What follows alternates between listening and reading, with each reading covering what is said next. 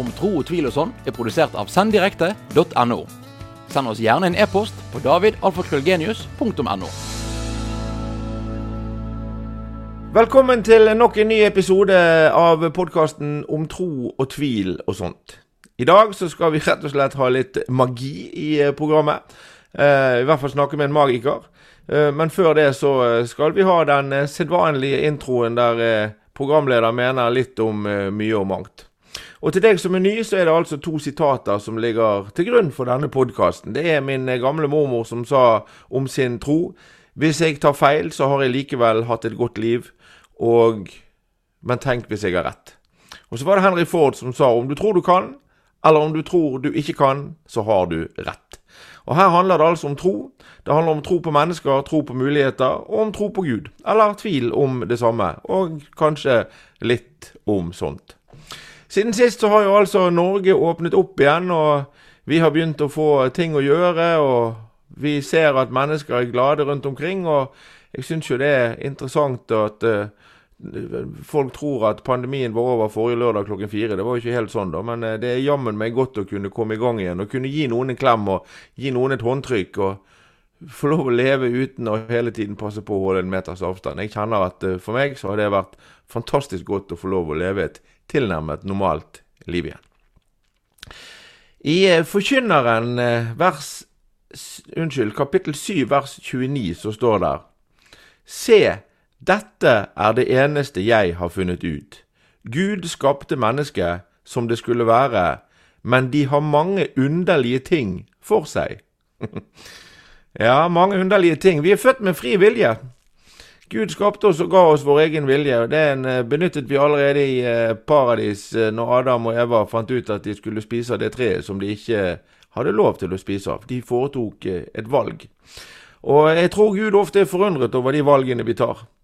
Og jeg tror at et av problemene i det stadig mer sekulariserte samfunnet vi lever i, er at menneskene stadig velger å dyrke andre guder. Om det er idrettslag, eller om det er penger, eller ting, eller kjendiser, eller, eller hva det er, så er det det vi er opptatt av å dyrke i hverdagen. Det er det vi velger å tro på. Mange underlige ting. Men for meg så er jo det sånn at jeg har jo oppdaget at Gud er større enn alt det. For han er, som det står i boken, fra evighet og til evighet. Og da blir en fotballkamp eller noe penger eller en kjendis så ubetydelig lite i forhold til det.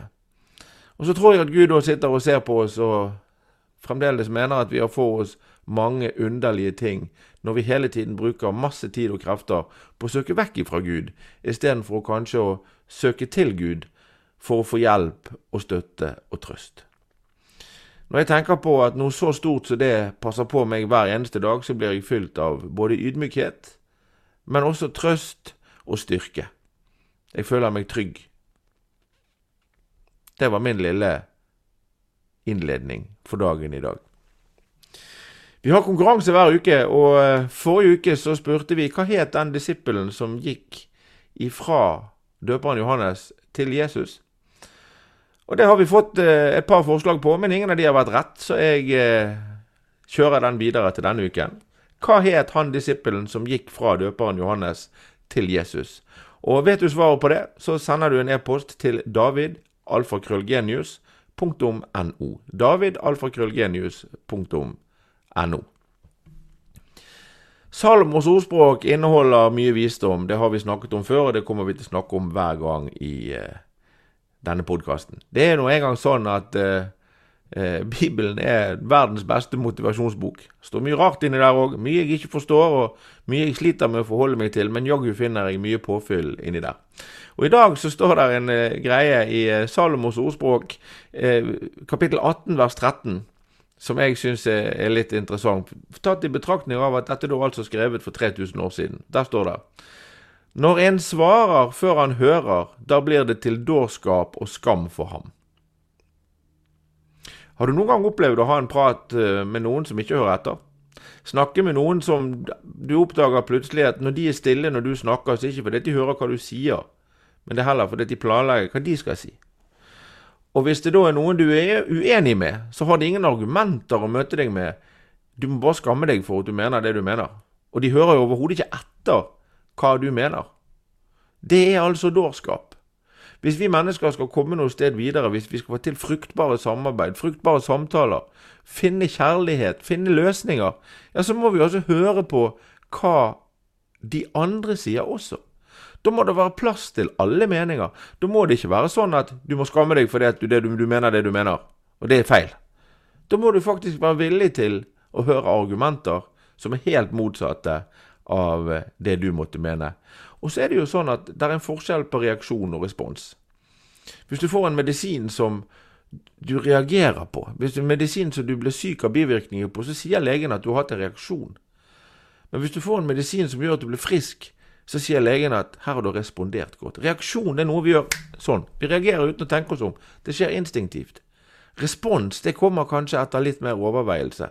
Og da er det lov å si, f.eks. hvis du prater med noen, har en diskusjon om noen som sier et eller annet som du er rykende uenig i, eller noe som du må ta stilling til, så er det lov å ta en timeout og si du, det der må jeg faktisk få lov å tenke litt over før jeg svarer. Men i dag har vi det så travelt. I dag skal vi reagere på alt med en gang. E-poster skal helst besvares før de har blitt sendt, og tekstmeldinger skal i hvert fall besvares umiddelbart. Og vi får ikke, eller kanskje vi tar oss ikke tid til å tenke over det vi skal svare. Når en dåre, eller unnskyld, når en svarer før han hører, da blir det til dårskap og skam for ham. Tenk deg om før du svarer. Lytt til det de andre sier, og tenk over hva det handler om. Da er det på tide å ta imot uh, ukens gjest, og i dag skal vi snakke med Ruben.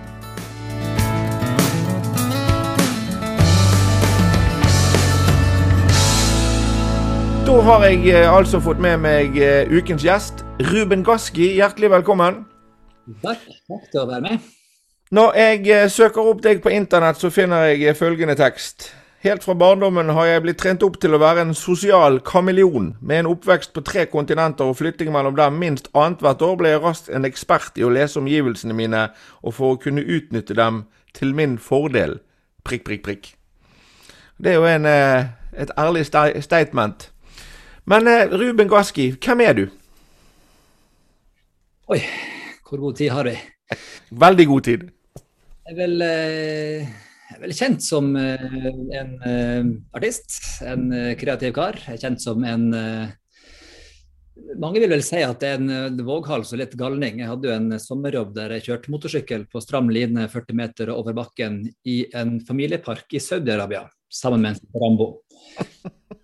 Kom i Vesten til meg. Ja. Herlig. Jeg, har, jeg ble kjent som en annerledes fyr, kanskje. Jeg har uh, drevet med ting som trylling og sjonglering og flammeshow og spikermatte og luftakrobatikk og sånt. Og så har jeg valgt å gjøre det til min levevei. Mm. Det er egentlig det som er mest uh, fremtredende, kanskje. Og så er du òg eh, jeg, jeg, er ikke glad i, i uh, uttrykket 'personlig kristen'. Det syns jeg er så tåpelig. Men, men, men, vi kan si du er en aktiv kristen. Du er veldig tydelig i din tro.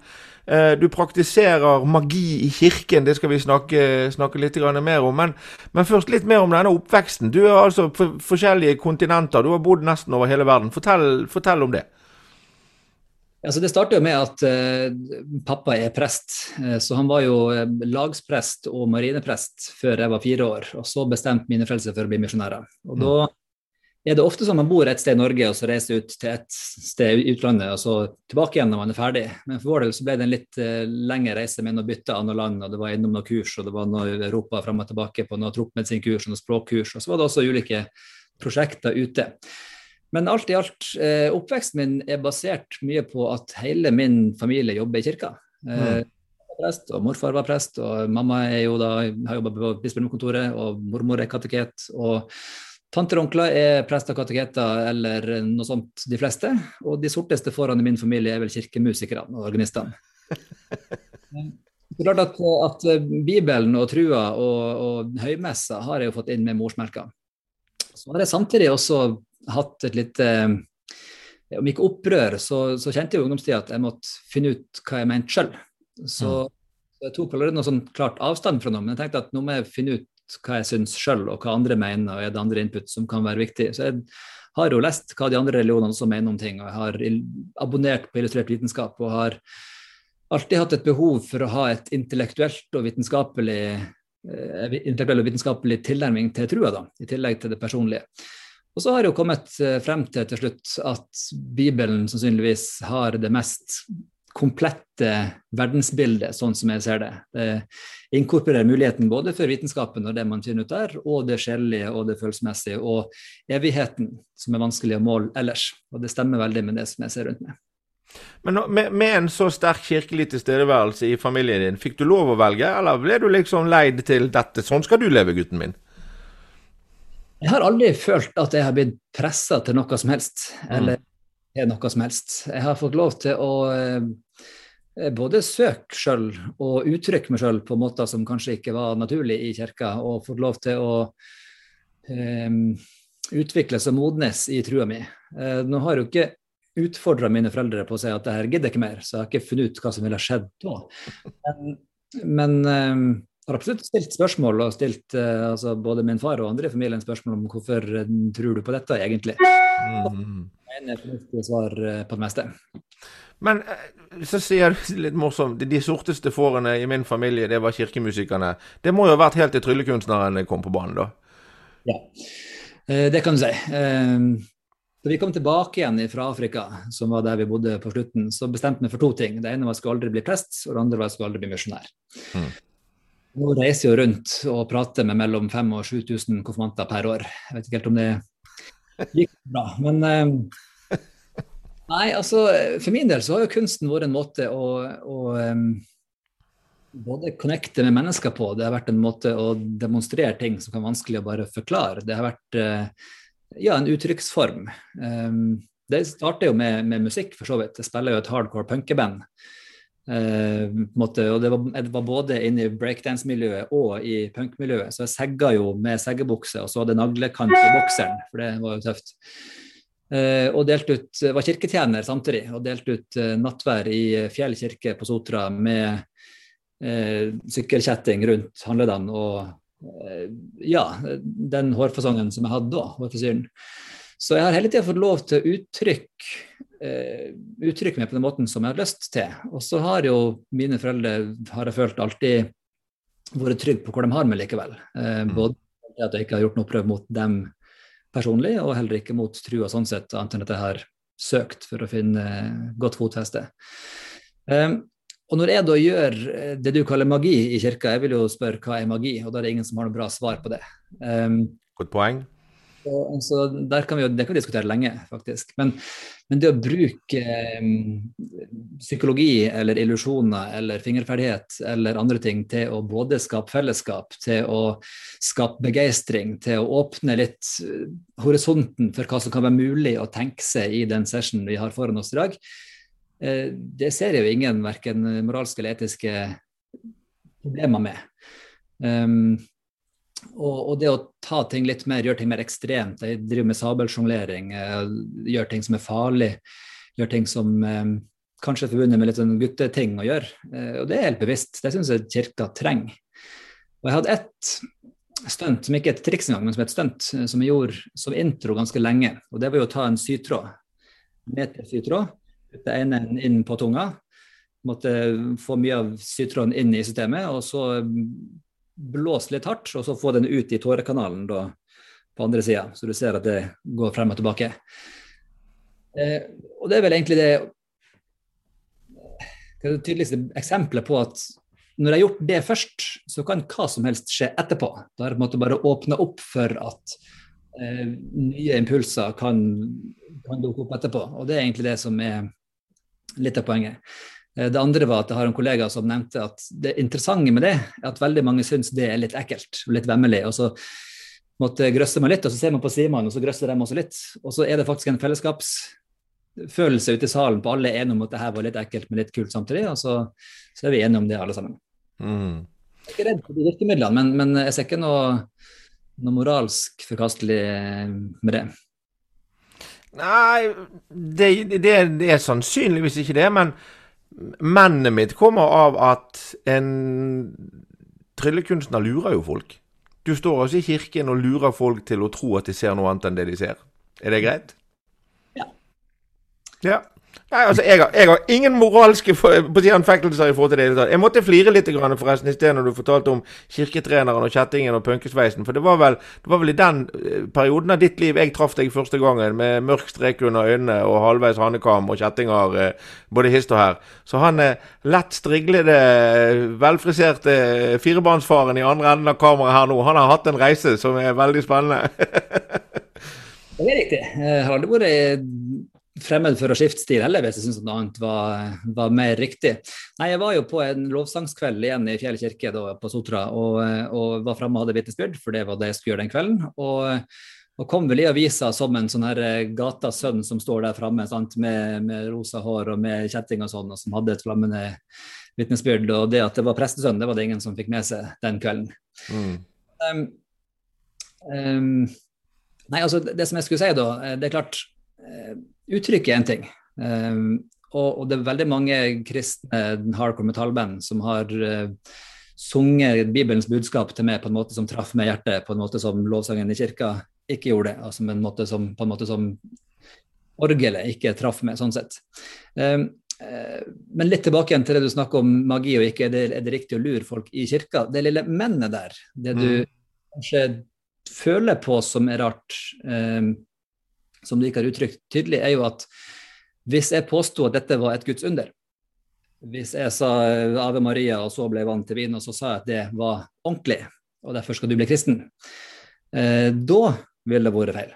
Da ville det selvfølgelig vært moralsk forkastelig. Det å bruke triks og suggesjon på den måten til å skulle eh, late som du har evner du ikke har, det mener jeg er feil. Men også det er feil når eh, når eh, evangelister, pastor ellers, eh, har en propp på øret og påstår de får meldinger fra Gud, som egentlig er folk som sitter ute på igjen og har sendt ut spørreskjema på hvor folk er syke på forhånd, eh, da blir det uærlig.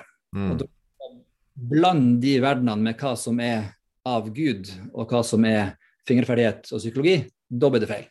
Så når jeg går på scenen i kirka og sier at um, at uh, mitt navn er Ruben Gaski. Og når jeg påstår at jeg er verdens absolutt festligste fyr, da skryter jeg faktisk ikke. Da lyver jeg. Det er faktisk noe med det ærligste jeg kan si. og jeg er scenen satt for at det er helt greit, fordi at jeg forklarer eh, hva det er for noe, hva det ikke er for noe. Jeg vil aldri påstå at eh, det at jeg finner igjen et kort er bønnesvar, eller altså, det, det, har ikke noe med det å gjøre. Så hvis det da er en billedlig demonstrasjon på at noe som har gått i stykker i oss, eh, på en måte ved Guds nåde kan få lov til å bli helt igjen, og så blir det det, så, så mener jeg at det er ikke noe feil med det bildet, så lenge alle er enige om hva som skjer og ikke. Men når du står på en scene, og du holder vitnesbyrd, og du gjør opptredener, og du har et eh, kjempebra opplegg for konfirmanter som du har reist mye med rundt, eh, og det skal vi snakke litt mer om etterpå. men for å gå litt bakom det, da, for å gå litt forbi scenekanten og være med deg inn backstage, hvordan står det til med ditt forhold til Gud? Det er jo opp og ned. Og eh, denne overskrifta her er jo om tro og tvil. Eh, mm. Så rart. Jeg har jo, jeg har jo både trodd og tvilt. Jeg har, eh, har, følt i perioder at de tingene som jeg snakker om, som, som jeg har vært sikker på veldig lenge, eh, føles hult av og til. Fordi at jeg ikke sikkert er så sikker på alt akkurat nå. Det kan være enkelthendelser som har skjedd, eller det kan være intellektuelle argumenter som har bippa vippa meg litt av pinnen. Um, og samtidig så har jeg opplevd såpass mye, eh, og gjør det fremdeles, eh, både bønnesvar og, og um, uforklarlige ting som, som, jeg mener er tydelige tegn fra Gud og i mitt liv. Og jeg har Eh, undersøkt så mye, lært så mye om hva som står, hva originalordene og språket betyr, og, og sett på helheten i Bibelen på en måte som, eh, som jeg opplever at mange av de som eh, latterliggjør Bibelen, ikke har. Så jeg står forholdsvis stødig og, og, og har vel aldri eh, vurdert at jeg gjør eh, føles feil. Men rart, eh, man, man, har jo oppturer og nedturer. Jeg har eh, jobba litt med depresjon en stund og er heldigvis på vei ut av det. Og, og det er klart det er tunge tider da man tenker at ingenting jeg har kan være bra nok. Jeg har sikkert ikke rett til noe som helst. Jeg har sikkert ikke skjønt noe. Uh, og det bidrar jo til at det å stå på scenen og skulle føle at man har noe å bidra med på ordentlig inn i andre mennesker sitt liv, det blir veldig fremmed. Eh, og når, eh, når, voksne mennesker også har begynt å gjøre en del foredrag i næringslivet, når voksne mennesker kommer bort til meg og sier at måtte, dette var viktig, dette betød noe for meg, så, så, føles det veldig rart fremdeles. Det gjør det. Mm. Ja, det er, det er veldig mange mennesker som har et, et, hva skal du si På samme måte som det var med meg, som ikke tør å gi seg over og på en måte slippe taket og si at jo, jeg tror. Mm. Eh, og, og, for mitt vedkommende så har jo jeg opplevd at det blir mye lettere å se bevis for Guds eksistens når jeg ser livet mitt baklengs. Hvis jeg hele tiden skal vente på noe som kommer foran meg, fordi at det skal være et bevis på et tegn på et eller annet. Men når jeg snur meg og ser andre veien, så ser jo jeg at det opplagt har måttet vært noen som passer på meg i alle de situasjonene som jeg har vært i. Så, så eh, Når du sier de menneskene som på døde liv skal overbevise oss om at vi er jo dumme i hodet som tror på det vi tror, for vi er jo så naive og vi altså, Så er det liksom, hvis du begynner å hjelpe de også å se livet litt baklengs, så vil de i hvert fall Jeg har hatt gjester på podkasten her som i hvert fall er kommet så langt som de sier at ja, nei, det må jo være noe. Jeg tenker Det var en klok mann som akkurat nå ikke hører NJ Wright eller et eller annet sånt. Um, han ble stilt, han hadde et eget foredrag om uh, kan man tro på Gud i en vitenskapelig tidsalder. Og så uh, problematiserte han dette med vitenskapelig tidsalder, men hans poeng var vel i stor grad det at det ikke det ikke nødvendigvis en, en, kamp mellom ulike argument for eller mot Guds eksistens, men det, det starter med et verdensbilde. Så en, en, ateist som er vitenskapsmann og finner ut mer og mer om hvordan ting henger sammen, og hvordan moral funker oppi hjernen vår, og hvordan atomene eh, er organisert, han vil få mindre og mindre behov for Gud og finne flere og flere bevis i hans øyne på at Gud ikke finnes og ikke trengs, og det, det er ikke vits i å sjekke engang. Mens en kristen vitenskapsmann vil se alle systemene og se alle sammenhengene og se helheten og finne ut mer og mer av Guds fantastiske skapverk, og se mer av Gud jo mer man finner ut av de her tingene.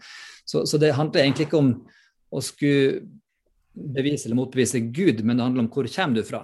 Og så vil du se på de bevisene annerledes. For de reiser jo også ei reise der du har tort å, å tenke over ting. Tort mm. å, å, å, stoppe opp ved, ved, spørsmål i livet. og spør, Hvorfor er det sånn, og hvorfor tenker jeg sånn, og hvorfor tenker andre sånn? Og så har man ikke bare slått seg til ro med den første videoen som datt ned på YouTube, men, men tenkt lenger.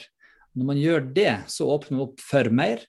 Og da, da, kommer man tilbake igjen til hva som er grunnfjellet i mitt liv. Eh, og, og, og, hvis man da er grunnleggende ateist, så vil det kreve mye å switche det, men det har ikke noe med bevis å gjøre, egentlig. Hvis man da bare switcher over, så vil alt plutselig bli riktig den veien også. Det har mer med, med den personlige overbevisninga og, og verdensbildet å gjøre. Det, altså, det, ligger jo i Matteus 7,7 let og du skal finne. sant? Altså, hvis, du går, hvis du kommer på jobb hver dag og du leter etter og går inn og ser etter alle de idiotene som ikke kan jobben sin, og som jobber fryktelig dårlig og tungvint, og alt er bare ræva, så finner du det. Men hvis du går på jobb og leter etter alle de hyggelige kollegaene du har, som gjør en god jobb, og som du har lyst til å være med, og sånn, så finner du faktisk det òg. Det kommer an på hva du leter etter. Sant? Og det, det, er det samme. Leter du etter Gud, så, så, kan det hende du finner han. Men hvis du leter etter grunner til at han ikke finnes, så er det klart, når du ser rundt deg på den forferdelige verden som er der ute, så, så er det lett å finne argumenter for at det kan umulig være en Gud. Eh, men, men eh, ja. Så det handler jo til syvende og sist så handler jo det også om valg. Hva velger vi å tro på? Det er sant. Eh, og så er det sånn at det som, det er klart, både jeg og du kjenner jo eventbransjen godt, og, og artistlivet og sånt. Og en ting som jeg syns er litt trist, er jo at det virker som for tida at det er helt greit å påstå at alle som har en religiøs tilnærming, er uintelligent. Mm. Det er ikke greit å si om noen andre. Du, du sier ikke det om politiske motstandere, du sier ikke det om, om, andre mennesker som du er uenig med. Men akkurat religiøse, de er per definisjon dumme i en del standup-repertoar og i en del eh, sammenhenger der det blir nevnt. Ikke det, er ikke det litt spennende? For å dra den litt videre, da. Jeg snakket litt om det tidligere i podkasten før du kom på, men dette med, med meninger og være uenig eller enig. Jeg syns jo det er så veldig interessant. Du prater med mennesker som Du må inkludere alle. Alle. Uansett hvilket kjønn du har, eller hvilken legning du har, eller hvilken overbevisning du har, eller hvilken hudfarge, bla, bla, bla. Alle må inkluderes, og vi må passe på alle. Helt til du åpner munnen og sier at du har problemer med eh, homofilt ekteskap eller eh, samliv før ekteskap eh, eller sånn, og tror på Jesus. Ja, Da er du dum i hodet, du må reise og rykke, og du har i hvert fall ikke noe her å gjøre. Da forsvant plutselig all inkludering og alt det med at vi skal ta vare på, på alle. For de der får ikke være med. Det er jo helt tullete. Ja, det har blitt uh, mer og mer vanlig uh, å tenke sånn. Og jeg jeg skjønner ikke helt den tankegangen, og så skjønner jeg ikke helt uh, at ikke folk som da er oppegående uh, ellers, ser den dobbeltmoralen i seg selv. Um, uh, så det, det, er kanskje det største den største vanskeligheten jeg har med å på en måte skulle snakke om dette med, med tru, at, at, hvis det er utgangspunktet, så er man på en måte ikke eh, ikke nysgjerrig og ønsker å ha en samtale om livet og prøve å finne ut av ting og, og, og vokse som mennesker sammen, da, eh, da er det ikke noe å, å, vurdere i det hele tatt. Eh, da er det jo ja, dumskap. Eh, og det er det jo ikke beviselig ikke. Så det, det, bare, det, det, blir et veldig billig argument. Og det er vel også litt av poenget mitt, eller litt av, av det som jeg syns er litt trist at vi er ikke lært opp til å tenke noe særlig eh, i dagens samfunn. Vi er, ikke, vi er, ikke, vant til å faktisk stille spørsmål og så ikke gi oss før vi har funnet et godt svar. Og Det gjelder for så vidt mange eh, som tror på helt andre ting også, om det er ateister eller andre religiøse. Man, man, eh, ja, man slår seg til ro med at eh, jeg ser det skjer noe kjipt der borte, og Gud sier han er mektig og god, derfor kan ikke Gud finnes. Mm er det ikke så veldig mye mer refleksjon til før man finner ut at det finnes gode argumenter for at dette her henger veldig godt i hop. Men man tar seg aldri tida til å gå det steget videre. Eh, og det er jo det som er trist, at man er ikke vant til å man er ikke vant til, man har ikke et ønske om å egentlig finne ut hva som er et solid grunnfjell å stå på, moralsk og verdimessig. Og det der, jeg, er veldig glad i en setning. altså Motivatoren bruker ofte setningen hvis du vil nå et mål, så må du være villig til å bytte ut det du vil ha nå, med det du vil ha seinere. Og det er jo også noe med, med, Hvis vi tror på Gud Som biskopen sa, jeg skal ha han som gjest neste uke. Jeg synes det var, Han sto på en, en, en begravelse, holdt en preken, og så begynte han å si Tenk hvis Gud fins. Og det, det, er jo litt interessant. Men, men, hvis nå Gud finnes, og vi tror at Gud finnes, og vi, når vi da tror det som vi leser i Bibelen, så tror vi også på at der kommer et liv etter dette. Og så står det i boken at hvis du gjør så godt du kan i dette livet, og lever så godt du kan, så er det store sjanser for at du kommer videre etterpå. Eh, og du har tilgivelse og nåde. Det har du i utgangspunktet. Eh, men det betyr også at vi må velge å kanskje avstå fra noe av det vi har lyst på akkurat nå, for det tar seg ikke ut. Det er noe med moral, og det er noe med, etikk, og det er noe med valg osv. Men kanskje det er det som er et av problemene i dag, at vi mennesker nå lever i en kultur der vi skal ha alt, og vi skal ha det nå, og vi er ikke villige til å ofre noe som helst for noe som er større enn oss. Nei, men der igjen er jo det, veldig, det er et veldig billig, enkelt livssyn. Eh, og, og, det er kanskje det som jeg ønsker å utfordre flest, iallfall under 25 på for tida. Eh, for, for, alle, hvis jeg spør hvem liker frihet, så rekker opp alle, alle opp hånda. Uh, og så er det to ting med frihet som er interessant. Det ene er jo at man, når man forsker på dette med frihetsfølelsen, så er det jo, jo mer valgfrihet du får, jo mindre føles det som frihet. Det føles mer som stress. Uh, så frihet funker best innenfor et rammeverk. Kreativitet funker best når du har begrensninger. Eh, det er jo det ene, det som er paradoksalt nok sånn vi er skapt. Eh, og frihet kommer alltid med et ansvar. Hvis du vil ha frihet til å gå på butikken og smile til folk, og så smile dem tilbake igjen til det, så må du ha behandla de folkene bra før du kom dit. Mm. Ja, Hvis ikke så har ikke du den friheten, og da har du begrensa din frihet sjøl. Så, så, frihet her og nå eh, vil alltid ha konsekvenser. Det vil alltid påvirke hva frihet du har etterpå. Ja, vi har, vi har eh, Eh, det, ytringsfrihet. Men det betyr jo ikke at du kan si hva som helst uten å bli utfordra på det. Det betyr ikke at du kan si hva som helst uten at folk kan få lov til å synes at det var dumt sagt, eller at det var slemt sagt. Um, og, og, og, da begynner det å komme over i mer enn sånn Nå er jeg pappa, etter hvert blitt til fire jenter. Uh, og, og, da er vi litt mer over i en sånn ansvarlig um, oppdragelsespolitikk, som jeg føler at Gud ofte gjør. Altså han, han uh, har ti bud, men alle de ti budene er vi ganske enige om er ganske bra bud. Du skal ikke lyve, du skal ikke stjele. Uh, det holder hviledagen hellig. Uh, om ikke annet, bruk en dag i uka på noe annet. Mediter, tenk på de tingene som er viktige av og til. alt det er jo bra regler. Mm. Så det er sånn at du blir slått i hodet med noen begrensninger, men det kan være sånn at du faktisk blir hjulpet til å finne bra valg som vil gjøre at de, den friheten og det livet du har videre, ble enda bedre. Og det er jo sånn som jeg ser på og veldig mange ting i Bibelen som Ja, mange sier ja, men det er så mange regler. Og så tenker man ikke lenger enn at det virker slitsomt eller dårlig gjort. Og så ser man samtidig når man blir foreldre at da lager man mange regler. Og det er jo nettopp for å holde sine barn trygge, for å sørge for en best mulig oppvekst, for å sørge for et best mulig miljø for å lære de tingene som trengs å læres før du er klar til å treffe verden på egen hånd. Um, og da er det ikke så mye verken pekefinger eller nødvendigvis eh, begrensninger. Da handler jo det om å legge til grunn i livet et, et verdigrunnlag, et, en, en, grunnmur som gjør at du får større frihet, eh, bedre selvbilde. Eh, ja, du, du, møter verden bedre senere, som vil gi mer frihet. Det der å sammenligne det med å være foreldre syns jeg er veldig spennende. Det gjør jeg i en del settinger. Det er klart, Jeg, jeg har vært far i over 30 år, eh, så jeg har voksne barn. Eh, og, og, da er det sånn at det eneste du kan gjøre som forelder, egentlig, det er å prøve å putte så mange gode verdier inn i barna dine som mulig når de vokser opp, sånn at den dagen når de skal ut i verden på egen hånd, så er de i stand til å ta de beste valgene for seg sjøl og sine omgivelser. Og jeg tror jo at det er sånn Gud ser på oss også. Det var derfor han utstyrte oss med frivillige, for at vi skal ha anledning til å ta de valgene som er til det beste for oss og våre omgivelser. Men så velger vi noe annet. Så velger vi, som du sier, å gå en annen vei, for det, er, det er lettere, og det er hyggeligere her og nå. Eh, og det gir oss instant pleasure, som det heter på nynorsk. Og så står vi der, og så har vi glemt at det er noe som er større enn oss sjøl. Mm. Men Ruben, for å bytte gir et lite øyeblikk. Du, du, har, eh, du, jobber masse med konfirmanter. Jeg vet jo at eh, som artist så har det vært halvannet år med unntakstilstand, for å si det pent. Det har ikke vært veldig enkelt. Men oppi alt det så har du sett muligheter og begynt å jobbe mer og mer med konfirmanter og ungdom, og, og reise rundt i landet og prate med de. Det betyr at du treffer veldig mange unge mennesker. Mm. Hvordan har du inntrykk av at de ønsker å forholde seg til det å tro?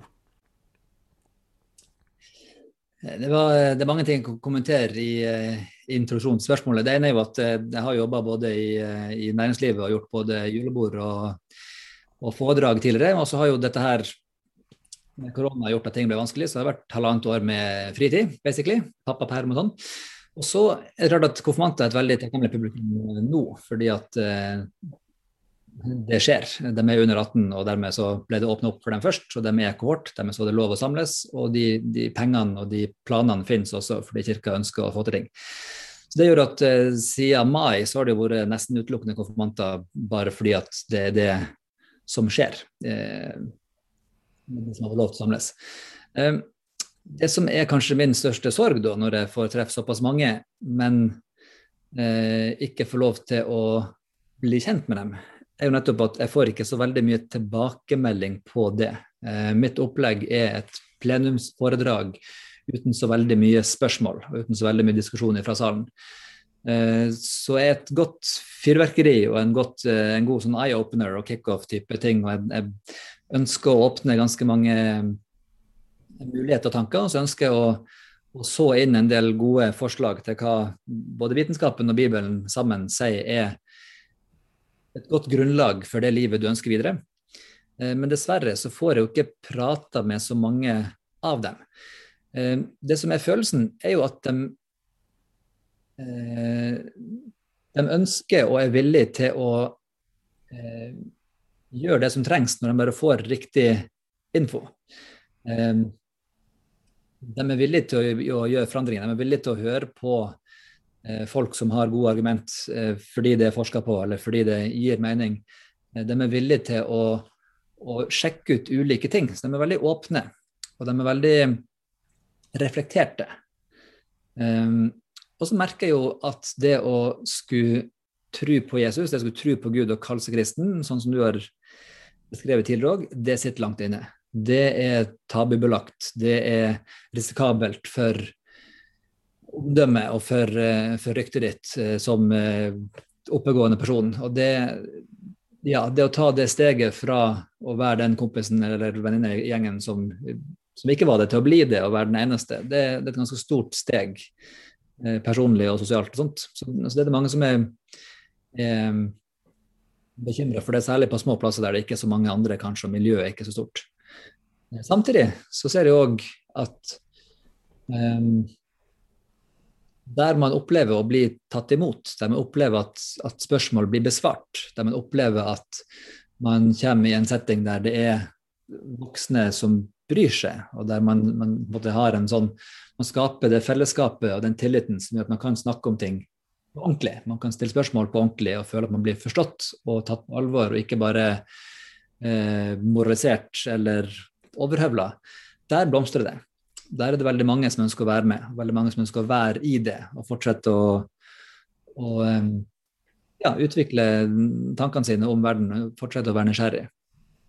Eh, så heldigvis får også lov til å være en del av noen sånne ungdomsgjenger, eh, ungdomsarbeid eller ungdomsgrupper, der det er mulig.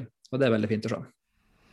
Fantastisk spennende. Ruben, vi kunne sittet her i timevis, men jeg ser på klokken at eh, vi begynner å nærme oss slutten av sendingen. Hvordan, jeg må spørre nå på slutten, hvordan er det nå når verden begynner å åpne opp igjen? Begynner det, Har telefonen begynt å ringe? Er det, er det lys i tunnelen og julebord på gang?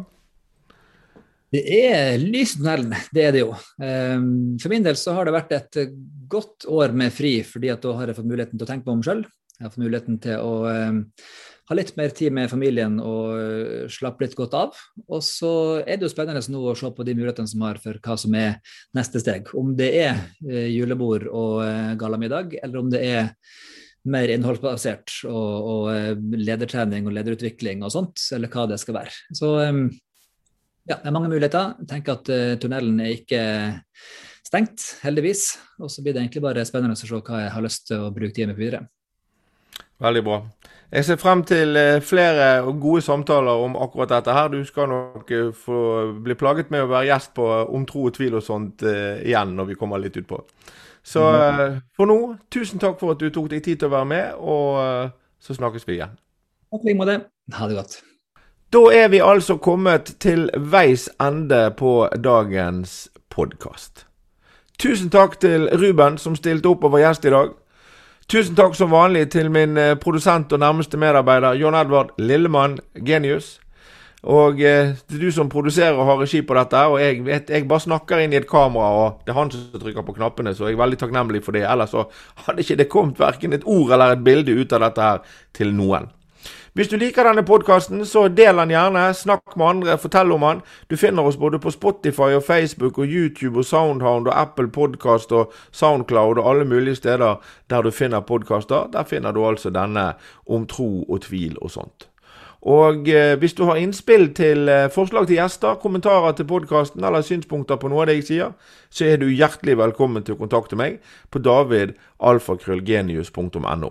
Og hvis du vil ha mer påfyll, hvis du har lyst til å lese eller kjøpe boken 52 som meg og Tor Brekkeflat har skrevet, hvis du har lyst til å lese min e-bok eh, om å få bedre hverdager, eller annet påfyll, så er det www.david.genius.no. Og neste uke, da gleder jeg meg virkelig, for da har jeg vært så heldig å få på plass at jeg skal få ha en god samtale med biskopen i Bjørgvin, og han heter Halvor Nordhaug, og det gleder jeg meg enormt til. I mellomtiden så vil jeg få ønske deg riktig gode dager i et åpent samfunn. Gå og gi noen en klem, husk å vaske hender, og eh, med det så lyser jeg Herrens velsignelse. Herren velsigne deg og bevare deg. Herren la sitt ansikt lyse over deg og være deg nådig. Herren løfte sitt åsyn på deg og gi deg fred. Om tro og tvil og sånn er produsert av senddirekte.no. Send oss gjerne en e-post på davidalfakrøllgenius.no.